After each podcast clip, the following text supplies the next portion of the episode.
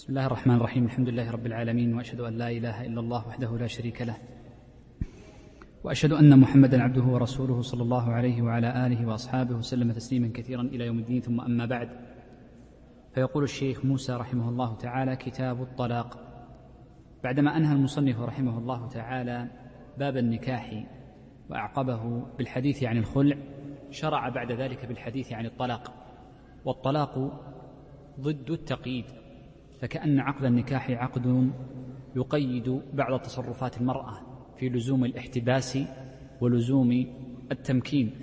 فكان هذا العقد مطلقا من وثاق كان لازما على المرأة بهذا العقد. ولذلك عرف بعض أهل العلم وهو المشهور في كتب الحنابلة وأول من وقفت عليه عرف بهذا التعريف هو ابن, حب ابن حمدان في الرعاية. فإنه عرف عقد الطلاق بأنه حل عقد النكاح أو بعضه. فقوله حل أي أن عقد النكاح ينحل بكليته. حل عقد النكاح أو بعضه أي بعض النكاح. وذلك في التطليقة الأولى. فإن الطلقة الأولى لم ينحل كامل أحكام عقد النكاح وإنما انحل بعضها. يقول المصنف رحمه الله تعالى يباح للحاجة. شرع المصنف لبيان الأحكام التكليفية الخمس للطلاق. فذكر أنه أحيانا يباح وأحيانا يكره وأحيانا يستحب وأحيانا يجب وأحيانا يحرم. فبدأ بالمباح فقال يباح للحاجة أي إذا احتاج الزوجان له. فإذا وجدت حاجة فإنه يباح وإلا فإن الطلاق من غير موجب لا يكون مباحا بل يكون مكروها كما سيأتي. قال ويكره لعدمها أي لعدم الحاجة.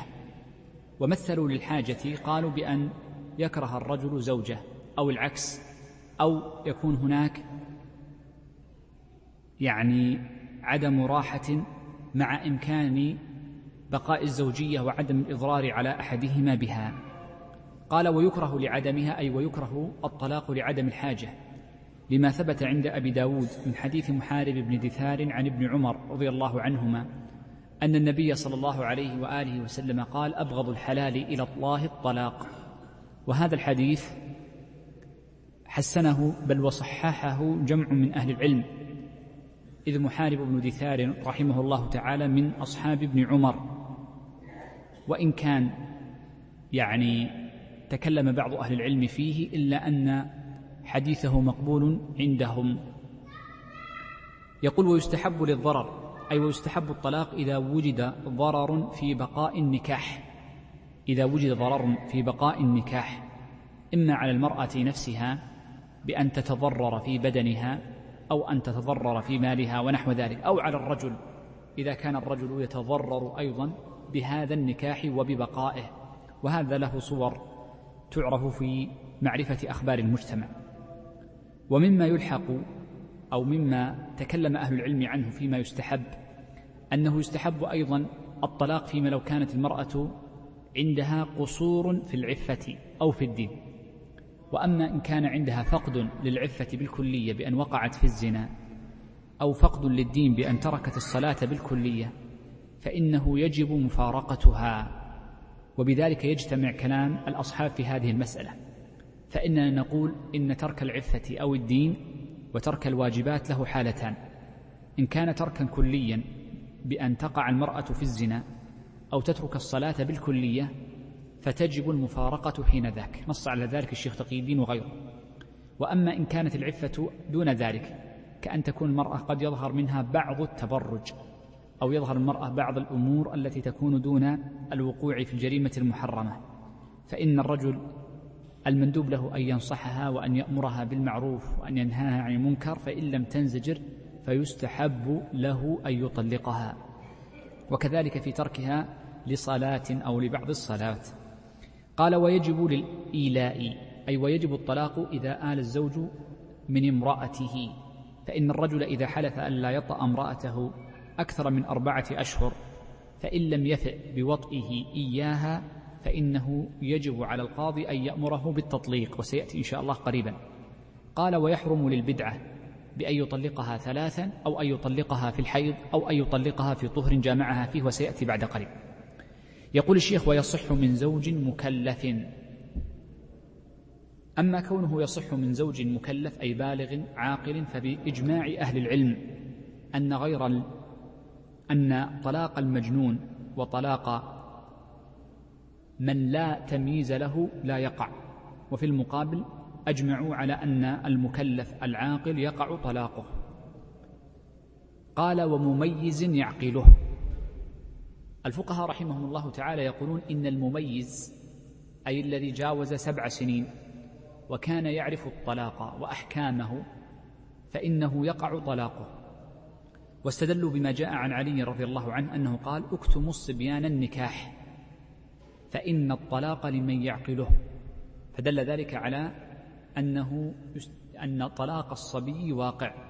وقول علي هذا رحمه الله تعالى إنما هو ظاهر بين الصحابة إذ كان خليفة من خلفاء المسلمين فيكون هذا منتشرا بين الصحابة ولا يعرف لهم مخالف في ذلك. كذا قالوا. ومع قول الفقهاء بأن المميز يقع طلاقه هل لأن المميز تصح جميع تصرفاته؟ كالمكلف.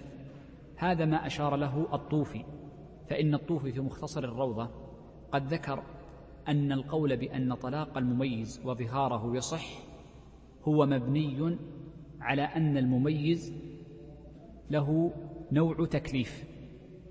ورد عليه القاضي علاء الدين الكناني في شرحه لمختصر الروضة المسمى بسواد الناظر وقال إن الأمر ليس كذلك. وإنما صححوا طلاقه أي المميز وظهاره لأن هذا من باب تعليق المسببات بالأسباب. مثل أن الصبي إذا أتلف مالا فإنه يلزمه ضمانه فهو من باب التعليق بالأسباب أي الأحكام الوضعية وليس من باب الأحكام التكليفية. فكأنه جعل الإتلاف سببا للضمان فكذلك جعل التلفظ بالطلاق سبب للفرقة. وهذا هو المأخذ الأصولي في استثناء المميز في باب التطليق دون سائر العقود. يقول الشيخ ومن زال عقله إما بجنون أو بإغماء أو نحو ذلك معذورا لم يقع طلاقه. قيل وهذا بإجماع لما جاء عن علي رضي الله عنه أنه قال كل طلاق جائز إلا طلاق المعتوه أي المجنون فإنه لا يقع طلاقه. ولنعلم أن فاقد العقل له صورتان.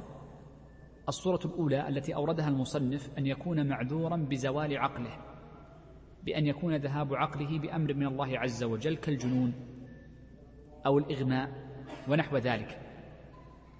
والنوع الثاني أن يكون زوال عقله من غير عذر مثل الذي يتعمد شرب الخمر أو الذي يتعمد شرب البنج وشرب المخدر وهكذا. وفرق عند الفقهاء بين المسكر وبين المخدر فإن المسكر والمخدر كلاهما يغيب العقل ولكن المسكر ما كان فيه طرب ونشوة وأما المخدر فإنه يغيب العقل من غير طرب ونشوة نص على ذلك بالرجب إذا من تعمد شرب المسكر فإنه يكون آثما ويكون يأخذ عكس, عكس حكم الأول فيقع طلاقه. وتقع جنايته وهكذا ويصح إقراره في الحدود ونحوها. إذا فقول المصنف ومن زال عقله معذورا لم يقع طلاقه. يدخل في ذلك من سكر وهو معذور والذي يسكر وهو معذور له صور إما أن يكره على شرب المسكر وإما أن يشرب شرابا يظن أن قليله وكثيره لا يسكران. يشرب شراب يظن أن قليله وكثيره لا يسكر لكن لو ظن أن كثيره يسكر وقليله لا يسكر فإنه يكون آت فيقع طلاقه. لكن يظن أن كثيره لا يسكر. فشرب هذا الشراب فإذا به قد أذهب عقله. فحينئذ نقول إنه يكون معذورا. والصورة الثالثة ممن هو يكون معذور قالوا من تداوى ببنج ونحوه. لأنني ذكرت لكم قبل قليل الفرق بين المخدر وبين المسكر ومن الفرق بينهما من حيث الحكم تكلمنا قبل قليل الفرق بينهما من حيث الحقيقة. وأما الفرق بينهما من حيث الحكم أن المسكر لا يجوز التداوي به لا قليله ولا كثيره. تداووا عباد الله ولا تتداووا بحرام إن الله لم يجعل دواءكم فيما حرم عليكم. وأما المخدر فإنه يجوز التداوي به. ولذلك يشرب البنج أو يتعاطى البنج ونحوه من الأدوية النفسية فإنه يجوز عند العلاج. وأما الخمر فإنه لا يجوز العلاج بها مطلقا. هذا هو الفرق بينهم. ولذلك نقول إن الذي يتداوى به البنج فيعذر به فمن شرب خمرا من باب التداوي لا يعذر. فتقام عليه سائر الآثار ومنها طلاقه يقع. إذا فقوله وعكسه الآثم أي من زال عقله بسكر محرم فإنه يأخذ عكس حكم الأول فيقع طلاقه. يقول الشيخ ومن أكره عليه ظلما أي أكره على الطلاق ظلما. ومعنى قوله ظلما أي من غير حق من غير حق. وسيأتي إن شاء الله التفصيل بعد قليل في الإكراه.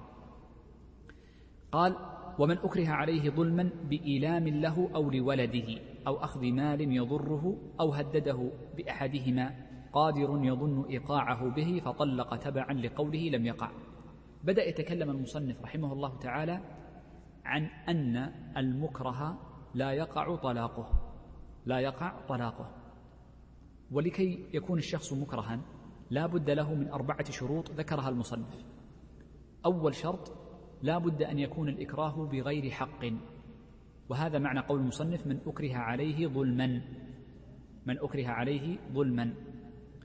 الأمر الثاني أن يكون الإكراه بأمر يتحقق به الإكراه بأمر يتحقق به الإكراه فليس كل شيء يتحقق به الإكراه فمن أخذ منه مال يسير ليس إكراها وهكذا. ولذلك ذكر المصنف رحمه الله تعالى أن ما يتحقق به الإكراه ثلاثة أشياء. ما يكون إيلام له أو إيلام لولده أو أن يكون أخذ مال يضره. إذا إيلام له أو لولده الحالة الثانية أو بأخذ مال يضره. وأما أخذ المال القليل فلا يعد ذلك إكراها. ومما يلحق أيضا بما يتحقق به الإكراه التهديد على الصحيح من المذهب. فإن التهديد بأحدها أي بالإيلام له أو لولده أو بأخذ المال فإنه يكون في حكم ما يتحقق به الإكراه طيب هذا الشرط قوله بإيلام نأخذ من حكم قلنا قبل قليل أنه يكون بما يتحقق به الإكراه بأن يكون شديدا وملجئا أن يكون شديدا وملجئا. أيضا مما ذكره المصنف من الشروط أنه لا بد أن يكون الإكراه من قادر. فليس كل شخص يهدد بإيلام له أو لولده فإنه يكون إكراها بل لا بد أن يكون قادرا وهذا هو الشرط الثالث الذي ذكره المصنف حينما قال قادر أي لا بد أن يكون المكره قادرا على إيقاع ما أكره ما تهدد به وتوعد. الشرط الرابع أن يغلب على ظن المكره أن المكره سيوقع ما هدد به. أن يغلب على ظنه أنه سيوقع ما هدد به. ومعنى ذلك يعني أن الشخص قد يهدده ذو سلطان وذو قوة وغلبة ولكن يغلب على ظنه أن هذا الرجل لن يفعل إما لأن البلد فيها من يرده ويزجره كأن تكون فيها قوة وفيها حكومة ونحو ذلك أو يعلم أن هذا لا يستطيع أن يأتيه لأن, لأن عنده منعه يقول أنا عندي منعه وقوة أو لأن ذاك يمنعه خلقه وأدبه أو غير ذلك من الأسباب. إذن لابد من أن يكون المكره يغلب على ظنه أن المكره سيوقع ما هدده به. قال فإذا وجد طبعا هذه الشروط الأربع قال فطلق تبعا لقوله. يعني طلق لأجل أنه أمره وإلا لو طلق وهو ينوي الطلاق لا لأجل الإكراه فإنه يقع. وهذا معنى قوله فطلق تبعا لقوله أي لقول المكره لم يقع الطلاق لأن هذا من عقود الإلجاء. وعقود الإلجاء في الطلاق لا تقع في بعض صورها. يقول الشيخ رحمه الله تعالى ويقع الطلاق في نكاح مختلف فيه. الأنكحة عند الفقهاء رحمهم الله تعالى نوعان أنكحة صحيحة وأنكحة غير صحيحة. والأنكحة غير الصحيحة تنقسم إلى قسمين أنكحة باطلة وأنكحة فاسدة. فإذا أطلقوا الأنكحة الباطلة فإنها الأنكحة التي أجمع العلماء على تحريمها مثل أن يتزوج المرء أخته أو عمته أو ذات رحم منه أو أن يجمع بين الأختين أو أن يتزوج خمسا أو أن يتزوج زواج متعة أو أن يتزوج زواج تحليل ونحو ذلك من العقود المحرمة بإجماع. هذه تسمى عقودا عقود نكاح باطلة. والتفريق بين الباطل والفاسد في باب النكاح هذا من اصطلاحات فقهاء الحنابلة خاصة. إذا هذا يسمى المجمع عليه. النوع الثاني من العقود غير الصحيحة العقود الفاسدة وهي التي فيها خلاف بين أهل العلم فمن أهل العلم من يصححها ولكن الصحيح عدم صحتها مثل أن يتزوج الرجل المرأة بلا ولي أو أن يتزوجها بلا شهود أو على قول بعض أهل العلم أن يتزوجها بلا إعلان أو على قول بعض أهل العلم أن يتزوجها مع نفي المهر. ليس مع السكوت عنه وإنما مع نفيه. فإن من أهل العلم من يرى أنه إذا تزوج الرجل المرأة مع نفي المهر فقال لا مهر بيننا فإنه يقع نكاحا غير صحيح. وهذا اختيار الشيخ تقي الدين وأما مشهور المذهب فإن نفي المهر حكمه كحكم السكوت عنه. فيكون حكم المرأة كحكم المرأة المفوضة. يفرض لها مهر المثل. بدأ يتكلم المصنف عن أحد عن أحد نوعي النكاح غير الصحيح وهو النكاح المختلف فيه. وسبق معنا أن النكاح المختلف فيه يسميه أصحابنا ماذا؟ النكاح الفاسد. النكاح الفاسد هذا يقولون إنه تترتب عليه بعض أحكام النكاح. من ذلك أنه يثبت فيه نسب الولد وأما النكاح الباطل فلو جاءهم ولد فإن الولد لا ينسب لأبيه. وإنما ينسب لأمة كأنه ابن زنا ما لم يكن جاهلا بالحكم. هذا واحد. الأمر الثاني في قضية العدة وذكروا عددا من الأحكام. ومن الأحكام أيضا ما ذكره المصنف هنا أن الطلاق المختلف فيه يلحق المرأة طلاق بخلاف ال ال ال ال النكاح الباطل المجمع عليه فإن المرأة لا يلحقها طلاق. فلو أن رجلا تزوج امرأة بلا ولي فطلقها قال أنت طالق أنت طالق. ثم بعد ذلك طلقها الثانية والثالثة طلقها ثلاثا بزواج بلا ولي. ثم قال الآن اقتنعت أن الزواج بلا ولي آه، لا يجوز ولا يصح نكاح الأول فاسد. فأنا أريد أن أتزوجها زواجا جديدا بولي. والطلقات الثلاث الثلاث التي مضت لا أريد أن أعتبرها. هل نقول يعتبر بها أم لا؟ يعتبر بالطلقات الثلاث لأن النكاح المختلف فيه يلحق المرأة فيه الطلاق.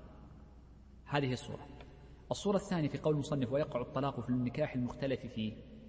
لو أن رجلا تزوج امرأة بنكاح مختلف في صحته ثم علم الحكم ثم علم الحكم وأراد أن يفارقها. انظر معي. وأراد أن يفارقها.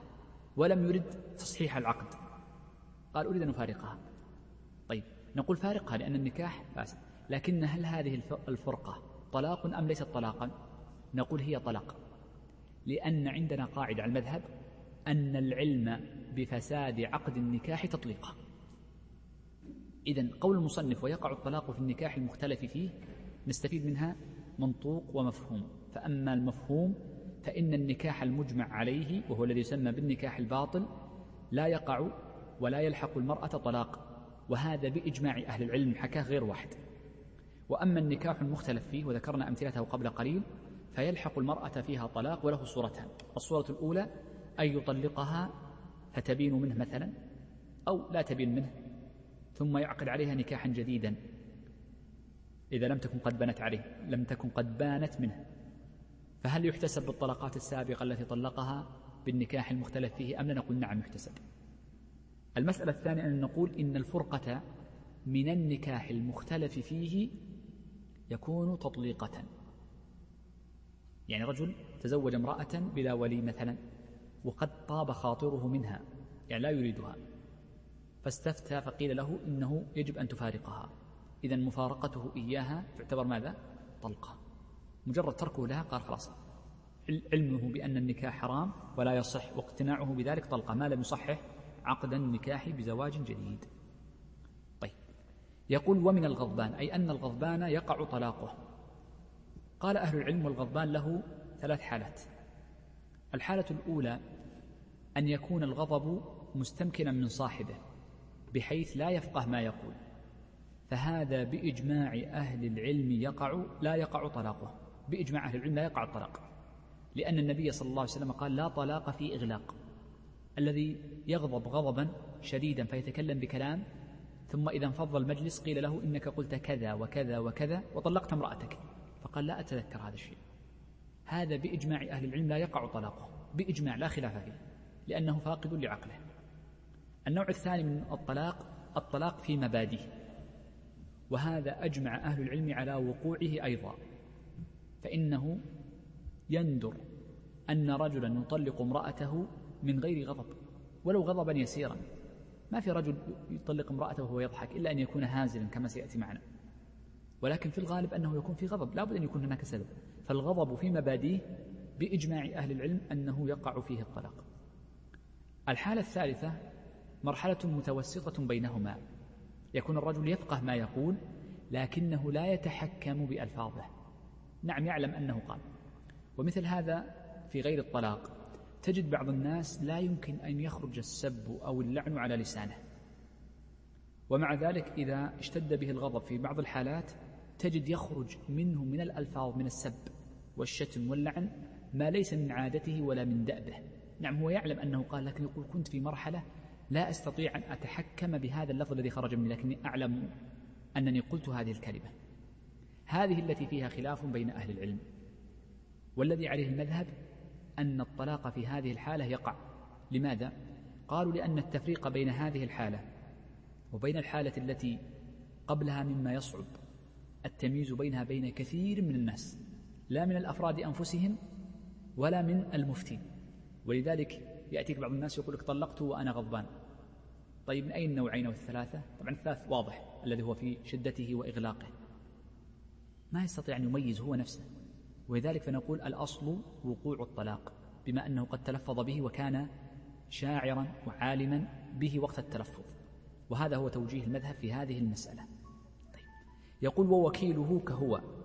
قوله ووكيله أي ووكيل المطلق كهو أي مثله. فقوله وكيله كهو نستفيد منها حكمين. الحكم الأول أن الوكيل يحق له أن يطلق. الوكيل يحق له أن يطلق. فلا يلزم أن يكون المطلق هو الأصيل وهو الزوج بل يصح أن يطلق عنه الوكيل. هذا واحد. لأنه قال ووكيله كهو أي كالأصيل في إيقاع الطلاق. هذه واحدة. الحكم الثاني نأخذ من هذه الجملة أيضا أن شرط الوكيل أن يكون ممن يصح طلاقه. فليس كل شخص يصح أن يوكل في الطلاق. ولذلك يقول من صح طلاقه صح توكيله. من صح طلاقه صح توكيله وتوكله أيضا في عقد النكاح. صح أن يوكل وصح أن يوكل. كل من صح طلاقه. إذا من لا يصح طلاقه وهو من كان دون سن التمييز دون سن السابعة فإنه لا لا يصح طلاقه. وأما فوق السابعة فيصح. طيب هل يصح توكيل المرأة أم لا؟ نحن قلنا من صح طلاقه صح توكيله. هل المرأة يصح طلاقها لنفسها؟ لا. طيب لماذا؟ هل يصح توكيلها؟ بلى. وتسمى التوكيل والتفويض للمرأة. المرأة يجوز للرجل أن يوكلها سواء زوجته أو غيرها. فيقول الرجل لزوجته طلقي نفسك إن شئت. استمر معنا إن شاء الله. أو طلاقك بيدك. استمر معنا مشيئة الله. لكن نقول هي ممن يصح تطليقها بدليل أنها تطلب الخلع. فما دامت طلبت الخلع وهو نوع فرقة من, طلب من جهتها فكذلك إذن يصح توكلها فيه أي في الطلاق. يقول الشيخ يطلق واحدة. ومتى شاء إلا أن يعين له وقتا وعددا. هذه الجملة ما معناها؟ معنى هذه الكلام أن الوكيل له حالتان. إما أن يطلق في التوكيل وإما أن يقيد. ومعنى أن يطلق يقال طلق امرأتي. يأتي رجل فيقول طلق امرأتي. أطلق. لم يحدد عددا ولا زمنا. وإما أن تكون مقيدة بعدد أو بزمن. معينة بعدد طلق واحدة فقط. معينة بزمن طلقها هذا الشهر أو طلقها هذا اليوم وهكذا. هذا معنى مقيدة بزمن أو بعدد. نبدأ في الحالة الأولى. وهو إذا أطلق. فإن الزوج إذا أطلق التوكيل في تطليق زوجته. فإن المصنف يقول يطلق واحدة ومتى شاء. معنى ذلك أنه إذا أطلق عقد التوكيل بالطلاق فليس للموكل إلا أن يطلق طلقة واحدة فقط هذا واحد. إذا الحكم الأول ليس له أن يطلق إلا طلقة واحدة. الحكم الثاني قال ومتى شاء أي في وقت أي وقت شاء من ليل أو نهار اليوم أو غدا بعد أسبوع بعد أسبوعين. طبعا ما لم يرجع الأصيل في التوكيل ويبطله ويفسخه. واستثني من الوقت وقت واحد فقط وهو وقت البدعة. فإنه لا يجوز للوكيل أن يوقع الطلاق في وقت البدعة وهو الطهر أو الذي جامعها فيه أو في الحيض. الحكم الثالث لم يذكره المصنف أن الوكيل إذا طلق عفوا أن الوكيل أن أن الزوجة إذا أطلق التوكيل أن الزوجة إذا أطلق التوكيل فإن الموكل إنما يملك التطليق المنجز ولا يملك تعليق الطلاق. إذا الوكيل إذا أطلق التوكيل له أن يفعل ما شاء إلا أمرين مقيدان ليس له إلا أن يطلق واحدة وليس له إلا تنجيز الطلاق وليس له تعليقه. إيش معنى تعليقه؟ ما ليس للوكيل أن يقول أنت طالق إن خرجت أو يقول لها أنت طالق بعد أسبوع لا يجب أن يبت فيه لأن التنجيز يختلف عن حكم التعليق والأصل في الوكالة التنجيز التعليق. هذا ما يتعلق بإذا أطلق الزوج التوكيل بالطلاق. وأما إذا قيده بأن قال طلقها في الوقت الفلاني أو في التاريخ الفلاني فإنه لا يجوز فإنه لا يصح للوكيل أن يتعداهما. وهذا معنى قول المصنف إلا أن يعين له وقتا وعددا بمعنى أنه يقيد الطلاق إما بالوقت أو بالعدد فلا يتعدى الوكيل هذا الوقت أو العدد. يقول الشيخ وامرأته كوكيله تأخذ حكم الوكيل في طلاق نفسها فإنها تطلق نفسها. إذا قال طلقي نفسك فإنها لا تملك إلا واحدة ولا تملك تعليق النكاح تعليق الطلاق ويجوز لها أن تطلق نفسها وقت ما شاءت. وأما إذا قيده فبحسب التقييد. والتوكيل في عقد في عقد التطليق يبطل بأمور. الأمر الأول إذا كان مؤقتا بمدة فإنه ينقضي بانتهاء المدة. كما لو قال الرجل لزوجته أو قال لأجنبي طلق امرأتي اليوم. فانتهى اليوم بغروب الشمس ولم يطلق. فإنه حينئذ هذا التوكيل ملغي لانتهاء مدته. إذ عقد التوكيل والوكالة مما يقبل التعليق في الابتداء ويقبل التوقيت في الانتهاء وهو الشرط الواقف والشرط الفاسخ. وتكلمنا عنه في باب الوكالة. الأمر الثاني الذي ينتهي به التوكيل إذا رجع الزوج لأنه سبق معنا أن عقود الوكالات عقود جائزة يجوز الرجوع فيها. فلو أن رجلا قال لامرأته طلقي نفسك إن شئت مثلا ثم قبل أن تتكلم قال رجعت في ذلك فإنه خلاص لو ما ليس لها أن تطلق نفسها ما دام قد رجع لأن التغت الوكالة. يقول الشيخ رحمه الله تعالى فصل بدأ يتكلم في هذا الفصل عن الطلاق السني والبدعي. والله عز وجل يقول فطلقوهن لعدتهن أي طلقوا المرأة لعدتها. قال ابن مسعود تطلق المرأة لعدتها طلقة واحدة في إقبال طهرها أي من غير جماع وليست حائضا. يقول المصنف إذا طلقها مرة في طهر لم يجامع فيه. بدأ يتكلم عن الطلاق السني وسمي سنيا لأمر الله عز وجل به وأمر به النبي صلى الله عليه وسلم ويقابله البدعي لأنه نهى عنه الشارع. سنتكلم عن البدعي بعد قليل. القيد الأول قال أن يطلقها مرة. إذن الطلاق السن السني أن يطلقها مرة واحدة وليس له أن يطلقها طلقتين في مجلس واحد ولا أن يطلقها ثلاثا في مجلس واحد. وسيأتي إن شاء الله بعد قليل. قال في طهر لم يجامع فيه أن يكون الطهر وليست في حيض وإنما تكون طاهرا. وهذا هو القيد الثاني. إذا الطلاق في الحيض محرم شرعا لا يجوز وهو طلاق بدعي. الأمر الثالث أن يكون الحيض الطهر لم تجامع فيه المرأة لم يواقع الرجل زوجته في هذا الطهر إلا أن تكون طبعا حاملا وقد استبان حملها كما سيأتي. فإذا وجدت هذه الشروط الثلاث فإنها تكون طلاقا سنيا من حيث الوقت والعدد. قال وتركها حتى تنقضي عدتها. لماذا قال وتركها حتى تنقضي عدتها؟ قصد المصنف أي أن الرجل لا يوقع عليها طلاقا ثانيا في عدتها. يعني انظروا معي.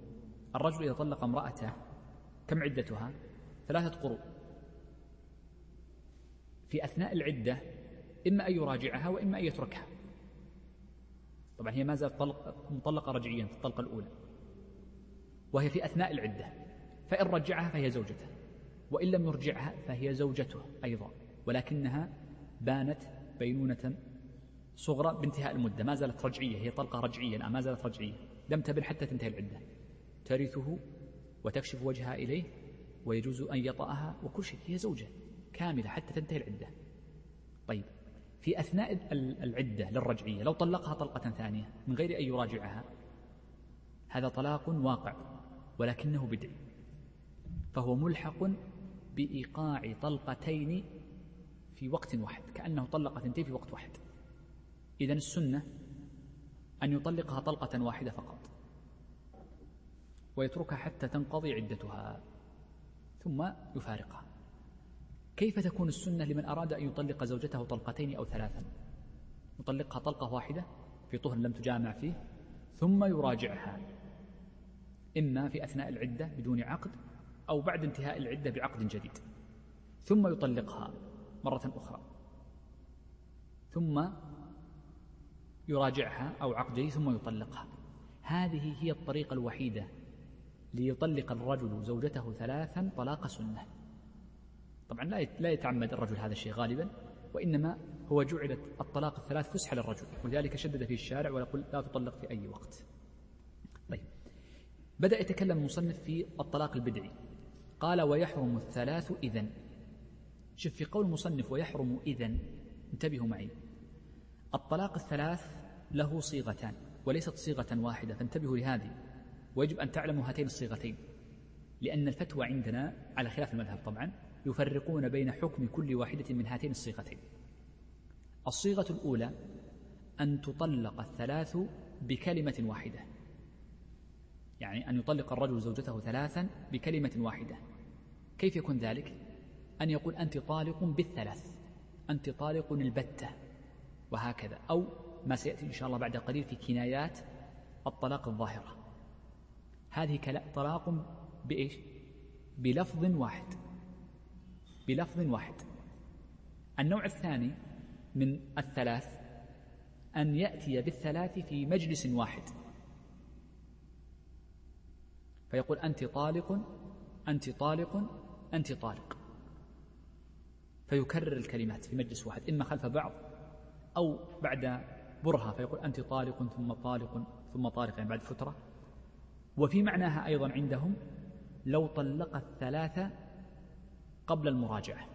طلقها اليوم بكرة طلقها الثاني بعد بكرة طلقها الثالثة قبل أن يراجعها.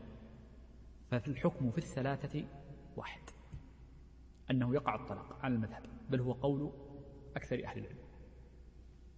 واستدلوا بحديث يعني آه، يزيد وحديث غيره أنه طلق امرأته البتة.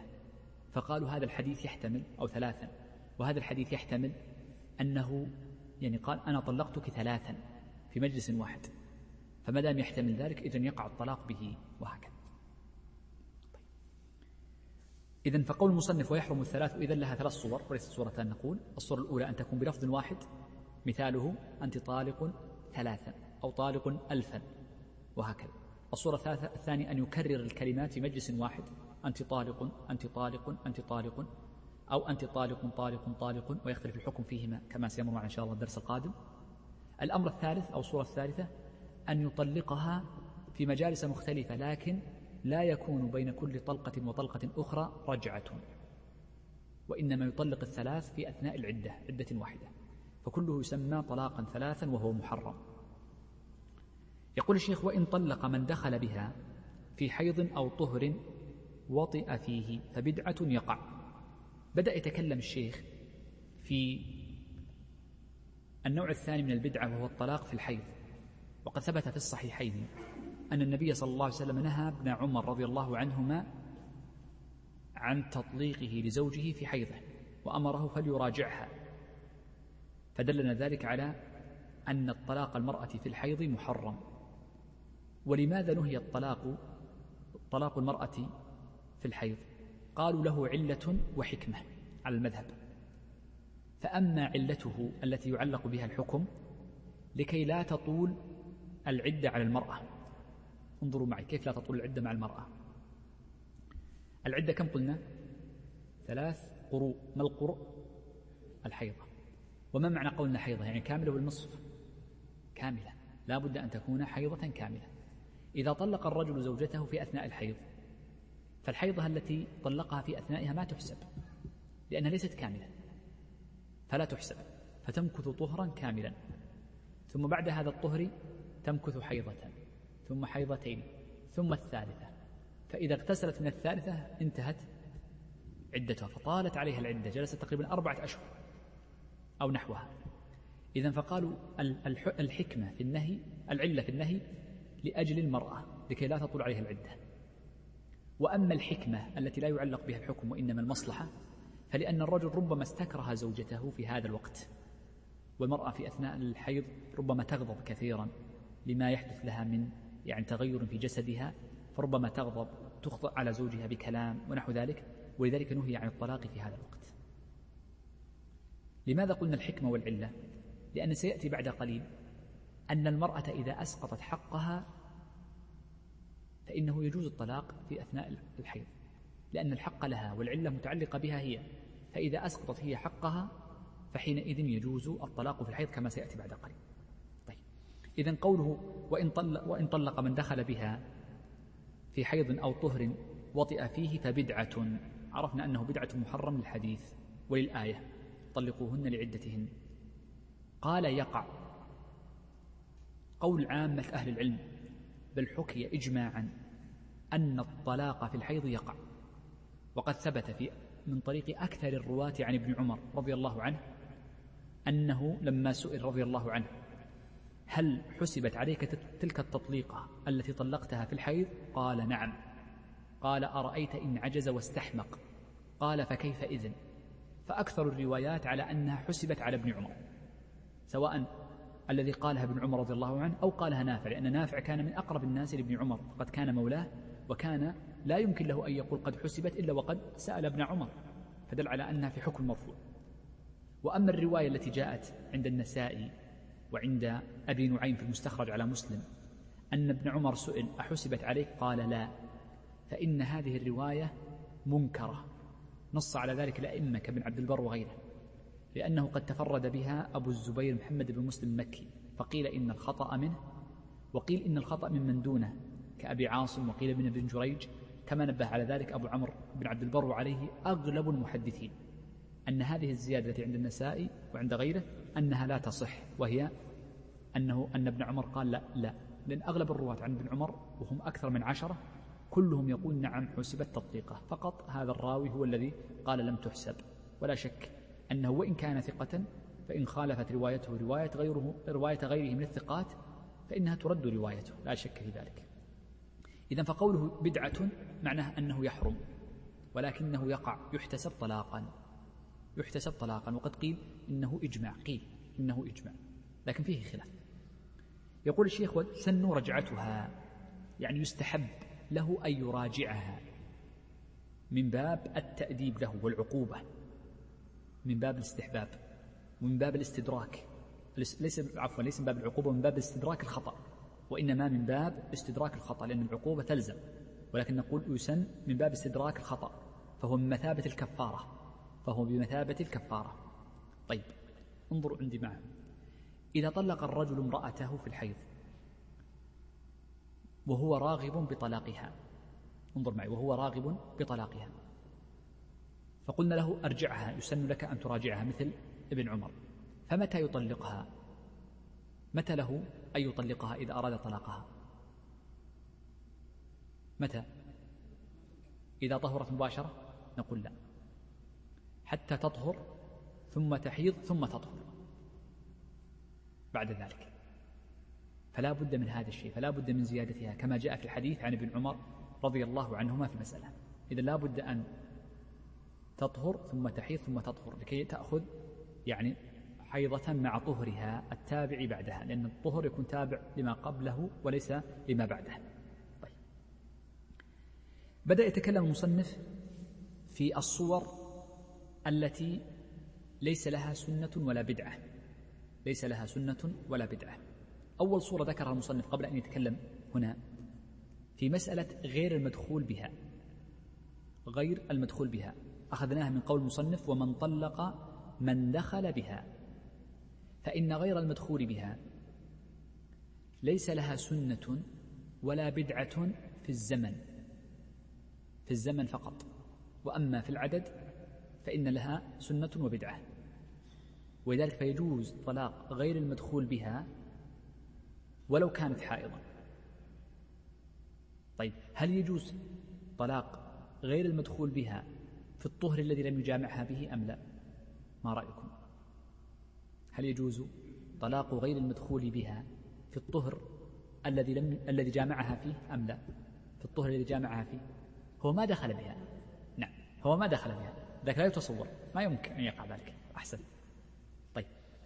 إذا آه هذا المرأة التي ليس لها سنة ولا بدعة من حيث الزمن. طيب. يقول ولا سنة ولا بدعة في الزمن ولا في غيره. لصغيرة لأنها لا تحيض وآيسة كذلك وغير مدخول بها كما سبق ومن بان حملها ومن بان حملها أيضا فليس لها سنة ولا بدعة من حيث الزمن كل هؤلاء لا يقع ليس لهم. كذلك أيضا آه مما يلحق بذلك مما ليس لها يعني سنة ولا بدعة من حيث الزمن آه، إذا كان المرأة هي التي طلبت الطلاق. فيقول إن المرأة إذا كان الطلاق بطلب منها سواء كان طلاقا أو خلعا فلا سنة ولا بدعة فيه لأن الحق لها وهي التي أسقطته. كذلك أيضا قالوا إن من, إن من لا سنة لها ولا بدعة إذا كان النكاح مختلفا فيه.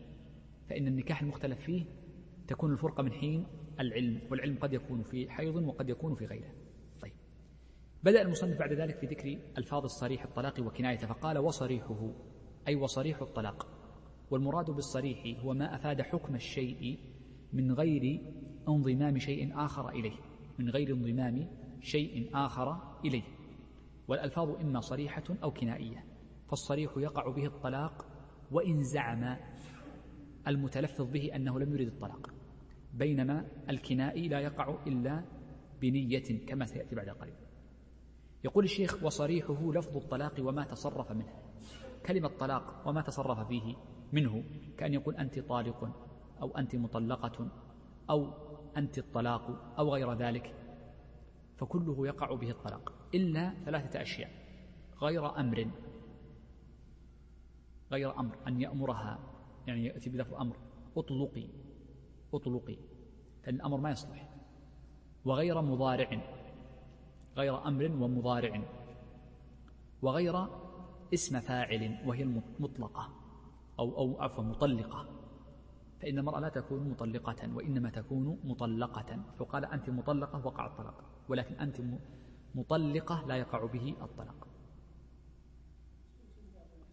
المضارع مثل أن يقول أنت تطلقين. تطلقين كل ما يقع. أنا أطلق نسبه لفعل لكن تطلقين أطلقك فإن الفعل المضارع يدخل فيه المضارع والمستقبل أو ستطلقين. ولذلك لفظ المستقبل يكون منه أنت ستطلقين. أنت تطلقين في المستقبل. كل ما أضيف للمستقبل فإنه لا يقع. إذا أضافها إليه. سأطلقك ما يقع. أطلقك هي بمثابة المضاف المستقبل لأنها مضاف للمستقبل. طيب. يقول الشيخ فيقع به أي فيقع بهذا اللفظ وإن لم ينوه. أريد أن تنتبهوا لهذه الجملة قليلا في قوله وإن لم ينوه. النية أمران. نية للفعل ونية للحكم. نية للفعل ونية للحكم. في باب الطلاق إنما ننظر لنية الفعل ولا ننظر لنية الحكم. ما هي نية الفعل؟ أن يكون المرء ناويا التلفظ بهذه اللفظة. وهذا معنى قوله وإن لم ينوه. أي ولم ينوي الحكم وإنما أراد الفعل. إذن المعتبر في النية إنما هي إرادة اللفظ لمعناه. إرادة اللفظ لمعناه. هذا إرادة الفعل الفعل الذي هو التلفظ بالطلاق إذا نية الفعل هي المعتبرة. وأما نية الحكم وهو الأثر المترتب عليه فإنه لا اعتبار به في باب الطلاق. ودليله أن النبي صلى الله عليه وسلم قال ثلاث جدهن جد وهزلهن جد النكاح والطلاق والرجعة. إذا نية الفعل ما هي؟ نية التلفظ بالكلام. هذه هي المعتبرة. وأما نية الأثر المترتب عليه بعض الناس يقول أنا قلت لامرأتي أنت طالق لكن لم أريد الطلاق وإنما أردت تخويفها أردت المزاح معها. هذا مريد لللفظ لكنه ليس مريد ليس مريدا للحكم والنتيجة. لا يريد التفرق. لا بالعكس هي أغلى عندي من عيني. نقول تقع الطلاق لأنك تلفظت مريدا لللفظ وإن لم تكن مريدا للنتيجة. إذا فقوله وإن لم ينوه أي وإن لم ينوي حكمه. وإنما يجب نية اللفظ لمعناه طبعا. لماذا قالوا لمعناه؟ لأن المرء قد يتلفظ ولا يقصد معناه. مثل قالوا الفقيه يكرر فيقول لامرأتي أنت طالق أنت طالق. حينئذ ما يقع الطلاق لأنه يكرر أو لمن يحكي كلام غيره. يقول هناك. هذا غير مريد لللفظ. النائم أيضا غير مريد لللفظ. وهكذا. قال فيقع به وإن لم ينوه المراد وإن لم ينوي حكمه. قال جاد أو هازل. الجاد مريد لللفظ مريد للحكم. الهازل مريد لللفظ غير مريد للحكم. قال فإن نوى بطالق من وثاق. رجل طلق امرأته وقال أنت طالق وقصده من وثاق كان رابطها بحبل وقال أنت طالق من وثاق. أو في نكاح سابق منه قال أنا قصدي أنك كنت طالق من الزوج الأول أو منه هو أنت طالق الأول أنا لما أقول أنت طالق قصدي أنت طالق الطلاق الذي كان قبل سنة منه أو من غيره أنت طالق من الزوج الأول. قال أو أراد أن يقول طاهرا فغلط فقال أنت طالق. أراد أن يقول أنت طاهر فقال أنت طالق. لم يقبل حكما. لماذا؟ قالوا لأن الأصل أنه هذه الألفاظ صريحة والأصل وقوع الطلاق بها. مجرد دعوة هذه تخالف الظاهر فلا تقبل حكما وإنما تقبل ديانة. من معنى أنها تقبل حكما فرق بين الحكم والديانة؟ يعني لو أن المرأة صدقته وقالت نعم أنت صادق فبينه وبين الله عز وجل لا يقع الطلاق. لكن لو أن المرأة رفعت للقاضي وقالت لا هو غير صحيح هذا الكلام. بل إنه عندما قال أنت طالق يقصد بالطالق الآن إنشاء جديد. أو أراد أن يقول طالق ولم يريد أن يقول طاهر. فإن القاضي لا يلتفت لنيته لا يلتفت لنيته مطلقا لأن الظاهر أن هذا اللفظ صريح والصريح الأصل أنه يوضع لهذه اللفظة. طبعا هذا هو مشهور المذهب كما في الإقناع والمنتهى وذهب الشيخ. علاء الدين المرداوي في تصحيح الفروع. ونص على أنه هو المذهب في الإنصاف على أنه يقبل ديانة بشرط القرينة. أن توجد هناك قرينة كأن تكون مربوطة فيقول أردت أن أقول أنت طالق من الوثاق. وهكذا. طيب. سم. ديان يقبل ديانة. طبعا ديانة متفق عليه لكن يقبل حكما. يقبل حكما. يعني القاضي إذا وجدت القرينة وقال الرجل أنا قصدت, قصدت كذا فإنه يقبل حينئذ.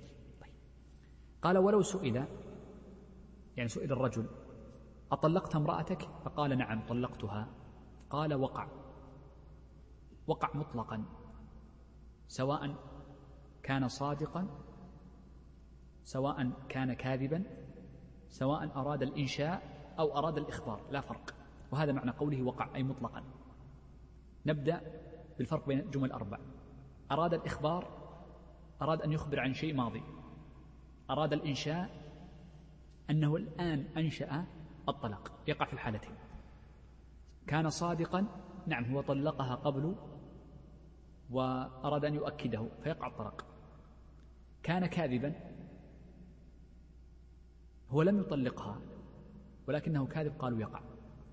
وهذه كثيرة جدا. بعض الناس تزوج فيأتي رجل فيقول أطلقت زوجتك؟ فيقول نعم. فيقول وقع الطلاق. صادقا أو كاذبا. لأن قوله أطلقت امرأتك لفظ صريح في النكاح في الطلاق.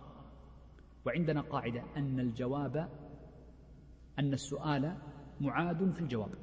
فلما قال له أطلقت امرأتك معناه قال نعم طلقت امرأتي فهي لفظ صريح في الطلاق. فيقع به الطلاق صادقا أو كاذبا. طيب. يقول وإن قال له ألك امرأة أي لك زوجة فقال لا وأراد الكذب فلا يقع به الطلاق لأن قوله ليس لامرأة كما سيما معنا بعد قليل من كنايات الطلاق والكنايات لا بد فيها من النية وهنا لا واقع له ولا وجود فلا يقع به الطلاق فلا يقع به الطلاق. طيب. بدأ المصنف رحمه الله تعالى هذا بقي يعني ألفاظ الطلاق وهي سهلة جدا نمر عليها بسرعة. قال فصل وكناياته الظاهرة. بدأ الشيخ يتكلم عن كنايات الطلاق. إحنا قلنا هناك صريح وكناية الصريح يقع نواه أو لم ينوه ما دام قد نوى اللفظ لمعناه. وأما الكناية فإنه لا يقع إلا بالنية. في باب الطلاق فقط قسمت الكنايات إلى قسمين كنايات ظاهرة وكنايات خفية. فالكنايات الظاهرة إذا تلفظ بها الرجل وقعت ثلاث طلقات كما سيأتي. وأما الكنايات الخفية فإنه لا يقع بها إلا واحدة. في الأصل طبعا. يقول الشيخ وكناياته الظاهرة نحو. طبعا ظاهرة أي أنها ظاهرة في الدلالة على الطلاق فتبين به المرأة تقع ثلاث طلقات. نحو قوله كلمة نحو. بعض الفقهاء يقول وكنايته الظاهرة سبع لكن المصنف استبدلها بقوله نحو. لو تلاحظ فرق بين العبارتين ما هو. أنه عندما يكون هناك عدد معناها أنها محصورة في هذه السبع فقط ولا يزاد عليها. لكن المصنف استبدلها بكلمة نحو لما؟ لأن هناك ألفاظا ملحقة بالظاهرة. وذلك سيأتي من كلامه هو أن الرجل إذا قال لامرأته أمرك بيدك فإنها ملحقة بالكناية الظاهرة. فتقع بها ثلاث. فليست محصورة في السبع. وذلك تعبير المصنف بأنها نحو أدق من قولهم إنها سبع على سبيل الحصر. قال سبع وهي أنت خالية وبرية الثانية برية والثالثة أن يقول لها أنت بائن والرابعة أن يقول أنت بتة والخامسة أن يقول أنت بتلة والسادسة يقول أنت حرة والسابعة أن يقول لها أنت الحرج. هذه الألفاظ السبع تدل على المفارقة البينونة الكبرى أنت خالية يعني خالية من كل وثاق النكاح. من الآن خليت, خليت من النكاح كله ولا تتخلى المرء من النكاح كله إلا بأن تكون قد بانت بينونة كبرى بالطلاق الثلاث. أنت برية أي من عقد النكاح بكليته. ليس لو كانت رجعية فليست برية من هذا التلفظ فيكون ظاهرا في الثلاث. كذلك بائن كذلك بتة وبتلة وحرة والحرج. لأن المرأة لا تكون حرة بأن تقبل يعني أن تتزوج إلا أن تكون قد بانت من زوجها ولا تبين إلا بالثلاث. قال والخفية نحو الحقيقة أن الألفاظ الخفية كثيرة جدا جدا والصحيح أنها غير محصورة بل كل ما دل عليها من ألفاظ الناس وعاداتهم فإنها تكون كناية خفية. قال فنحو اخرجي أي اخرجي من البيت. فبعض الناس يقول لزوجته اخرجي هل يقع الطلاق أم لا؟ نقول تعال. هل قصدت بها؟ أول شيء هل قصدت به الطلاق أم لا؟ إن قال نعم نعم هو طلاق لكنها واحدة. لكن لو قال أنت خلية؟ نقول أول شيء هل قصدت الطلاق؟ إن قال نعم فهي ثلاث. نمشي على المذهب. طيب. قوله اخرجي واذهبي اخرجي من البيت اذهبي من هنا لا أريدك. إن قصد بهذا قوله اذهبي الطلاق وقع به الطلاق. وقوله ذوقي أي ذوقي مرارة الطلاق. وتجرعي واعتدي واستبرئي واعتزلي. ولست لي امرأة. يعني أو لست لي بامرأة. والحقي بأهلك. وما أشبه هذه الألفاظ بناء على دلالة العرف فإنها كلها كنايات في الطلاق. فيسأل الزوج هل قصدت بهذه اللفظ الطلاق؟ بشرط أن يكون القصد وقت التلفظ وليس القصد بعد التلفظ ولا قبل التلفظ وإنما العبرة بوقت التلفظ إن لم يكن نية يعني قبلها بقليل فلا أثر له. يقول الشيخ ولا يقع بكناية ولو ظاهرة ولو ظاهرة طلاق إلا بنية. الكناية كلها لا تقع إلا بالنية بخلاف الصريح فالأصل أنها تقع مطلقا. قال إلا بنية مقارنة لللفظ لا بد أن تكون نية مع اللفظ ليست متأخرة عنه ولا سابقة له بكثير. قال إلا في حال خصومة وغضب وجواب سؤالها. هذه مسألة مهمة. المرأة إذا خاصمت زوجها وقال لها واحد من هذه الألفاظ اخرجي اخرجي. ففقهاء يقولون إن القرين هنا أن وقت المخاصمة وقت الغضب أن قوله أخرجي بمعنى أنت طالق والحقيقة أن قولهم هذا هو باعتبار عرفهم باعتبار عرفهم في ذلك الزمان.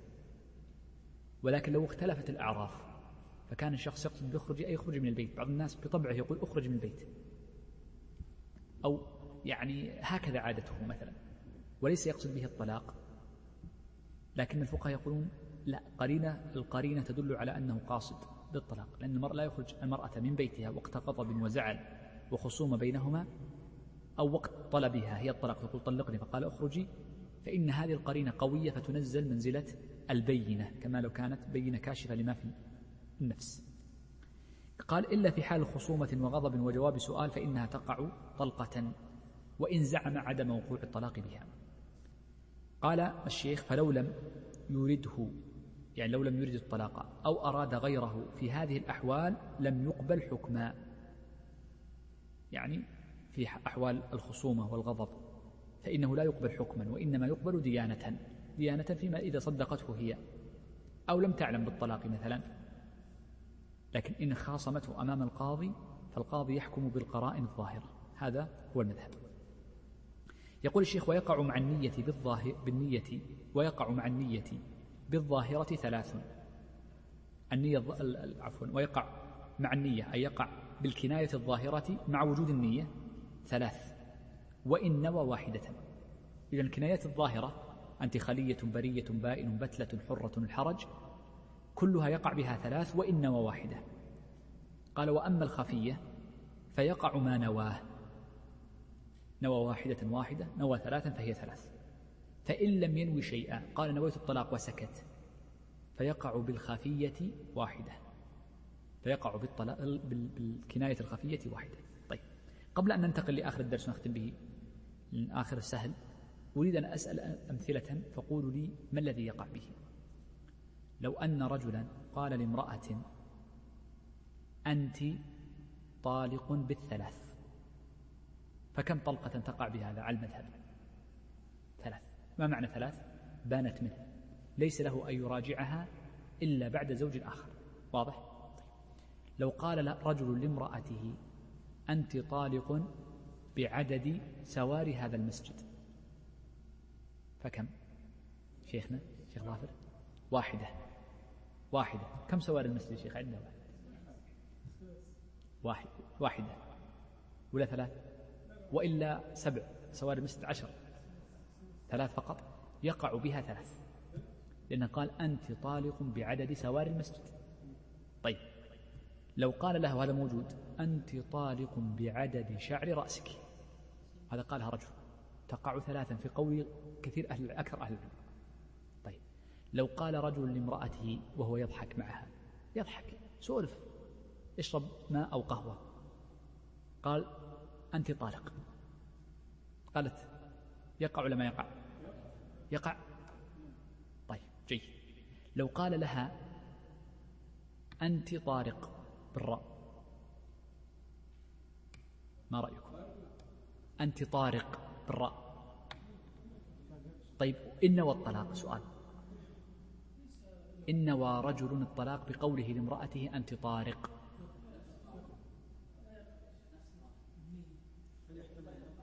لماذا؟ النية. طيب. أحسنت. لا يقع الطلاق بال... بال... بالنية فقط بل لا بد أن يأتي معه بلفظ إما صريح أو كنائي. وطارق بعيدة تماما لا تدل لا من قريب لا عرفا ولا لغة على الفرقة بين الرجل وامرأته. فلا يقع به. طيب لو قال لها مثلا اذهبي لأهلك. يقع به الطلاق أم لا؟ وكم؟ يقع الطلاق؟ نقول ننظر للنية. لم ينوي. قال لا قصدي روح لهذا يعني يعني روح يومين. إيه. ما يقع. طيب لو لو قال أنا نويت الطلاق يقع واحدة ولا اثنتين.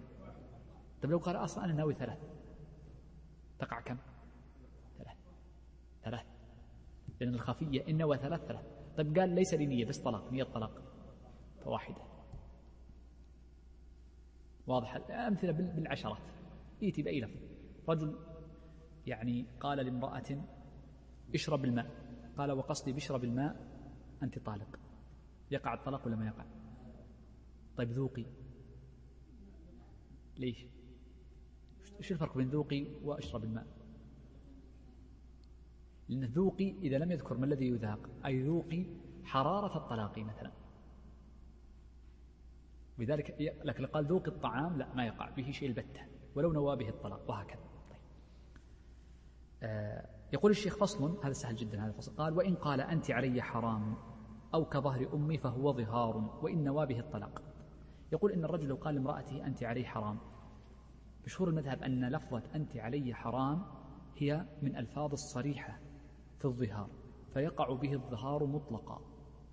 قال أو كظهر أمي فهو ظهار. في اللفظتين وإن نوى به الطلاق. والسبب أن هاتين اللفظتين صريحتان في الظهار. قال وكذلك أي وكذلك قوله ما أحل الله علي فإنه أيضا يكون ظهارا. ما أحل الله علي فهو حرام فإنه يكون ظهارا. ولا يقع به الطلاق. طيب لو قال رجل أنا أنا قلت أنت علي حرام وقصدي به الطلاق. فالمذهب أنه لا يقع به طلاق ظهار يصوم شهرين متتابعين. إلا أن يكون عاجزا. طيب لو قال ما أحل الله علي فهو حرام فنقول أيضا هو ظهار وإن نوى به الطلاق لأنه الصريح ولا يصرف عن الصريح لغيره بالنية. طيب انظروا الجملة التي بعدها فيها فرق يسير جدا. قال وإن قال ما أحل الله علي حرام أعني به الطلاق. يعني قوله أعني بها الطلاق تلفظ بها متصلة بالجملة. الأولى ما تلفظ قال أنا أعني بنفسي عقب ساعتين أو ثلاث أو بعد يوم. قال قولي ما أحل الله علي حرام. أقصد النية أنها طلاق. نقول لا يقع طلاق وإنما يكون ظهار. لكن لو وصلها بها فقال ما أحل الله علي حرام. أعني بهذه الجملة متصلة. لا يوجد فصل بينهما طويل. أعني بذلك الطلاق. فتلفظ بهذه التفسيرية الجملة التفسيرية أعني به الطلاق. قال طلقت ثلاثا. طلقت ثلاثا فتكون من الكنايات. قال وإن قال أعني به طلاقا نكرة فتقع بها واحدة. لماذا؟ لأن النكرة تحتمل النكرة في سياق الإثبات تحتمل تحتمل القليل والكثير. بخلاف المعرفة الطلاق فإن الطلاق ينصرف للثلاث. قال وإن قال كالميتة أي أنت علي كالميتة والدم أنت علي كالدم والخنزير قال وقع ما نواه من طلاق أو ظهار أو يمين. يأتي المفتي أو القاضي فيقول قولك لامرأتك أنت علي كالميتة ما الذي تنويه؟ إن قال نويت طلاق فهي طلاق نويت الظهار ظهار نويت اليمين فهو يمين. إذا المذهب يفرقون بين الألفاظ كثيرا جدا فيقولون صريح الظهار لا ينقل عنه ولو نواه وصريح الطلاق لا ينقل عنه ولو نواه. وأما الألفاظ التي تحتمل الجميع كأنت علي ميتة أو الدم والخنزير فإنه ينظر لنيته فيه فيتردد بين الثلاث. قال وإن لم ينوي شيئا فظهار. يعني وإن لم ينوي لا الطلاق ولا اليمين ولا غير فظهار. لماذا؟ قالوا لأن آه، الظهار أخف من الطلاق. ليس فيه تحريما للمرأة بالكلية هذا من جهة. فيبقى آه، أقل من الطلاق. ولأن الظهار قول زور. وهذا قول زور. وأما اليمين فالأصل فيه أن يكون بصفته بصفة اليمين بصفة اليمين والله ونحوها. وإن شاء الله سنتكلم عن التعليق إن شاء الله الدرس القادم. قال وإن قال حلفت بالطلاق وكذب لزمه حكما. عندنا قاعدة أن الرجل إذا قال حلفت حلفت وسكت فإنها يمين. لا يلزم أن تقول والله وبالله وتالله. لو قال لو قلت لرجل حلفت عليك إلا أو حلفت أن تأخذ هذا الكتاب حلفت وأنت ما حلفت هي يمين. فيجب عليك الكفارة. طبعا إذا كانت إذا كنت قد حنثت فيها. إذا قلت حلفت عليك أو حلفت إلا أن تأخذ هذا الكتاب أو هذا القلم أو هذا الكأس فإنها يمين. فلا يلزم الإتيان بحروف القسم الثلاث لأن هذا إخبار عن اليمين فيكون يمينا. طيب. لو قال رجل حلفت بالطلاق وكذب ما حلف. أو أنه كذب فيما حلف فيه فإنه تلزمه حكما تلزمه حكما. وأما الديانة فيدين فيما بينه وبين الله جل وعلا. قال وإن قال أمرك بيدك. انظر هذه مسألة دقيقة. نختم بها الباب إن شاء الله ودرس اليوم. قال وإن قال أمرك بيدك. رجل قال امرأته أمرك بيدك أمرك لك. يقول إن قوله أمرك بيدك من الكنايات الظاهرة. والكنايات الظاهرة يملك فيها الشخص أو يقع بها ثلاث. قال ملكت ثلاثا لأنها في حكم الكنايات الظاهرة. لأن أمرها بيدها الطلاق الثلاث فهو في حكم الكنايات الظاهرة. وذلك المصنف قال نحو ولم يقل سبب. قال ملكت ثلاثا ولو نوى واحدة لأنها في حكم الكناية الظاهرة. يقول ويتراخى أي للمرأة الحق أن تطلق متى شاءت اليوم أو غدا أو بعد ذلك. قال ويتراخى حقها في التطليق ما لم يطأ أو يطلق أو يفسخ.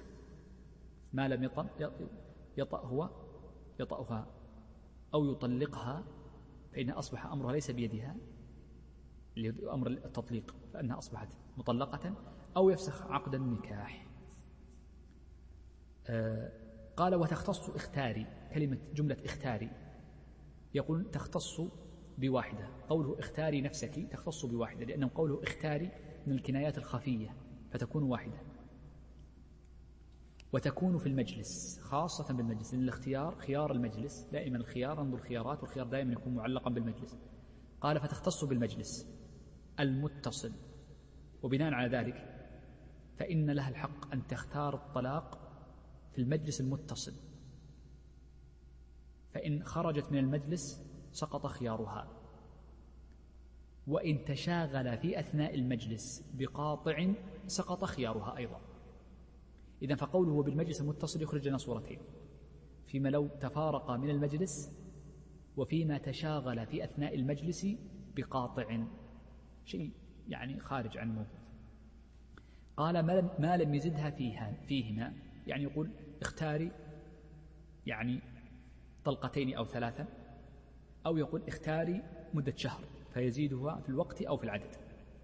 قال فإن ردت يعني قالت خلاص لا أريدك أنت أو وطئ هو أو طلق بإنشاء منه أو فسخ هو بطل خيارها لأن ما لها حق الاختيار فيه قد انتهى وانقضى. بذلك نكون هنا درس اليوم في أول باب الطلاق. الدرس القادم من مشيئة الله عز وجل يتعلق أيضا بألفاظ الطلاق وكذلك الدرس الذي بعده. الإشكالية في باب الطلاق أنه كله مبني على الألفاظ. وذلك كثير من الجمل التي فيه يعني قد تكون فيها بعض يعني الاستشكال. في الألفاظ والوقوف مع الألفاظ كثيرا. آه، نحاول إن شاء الله عز وجل أننا نوجز ونقسم الصور في الدرس القادم وذلك سنأخذ أكثر من المعتاد إن شاء الله. صلى الله وسلم وبارك على نبينا محمد.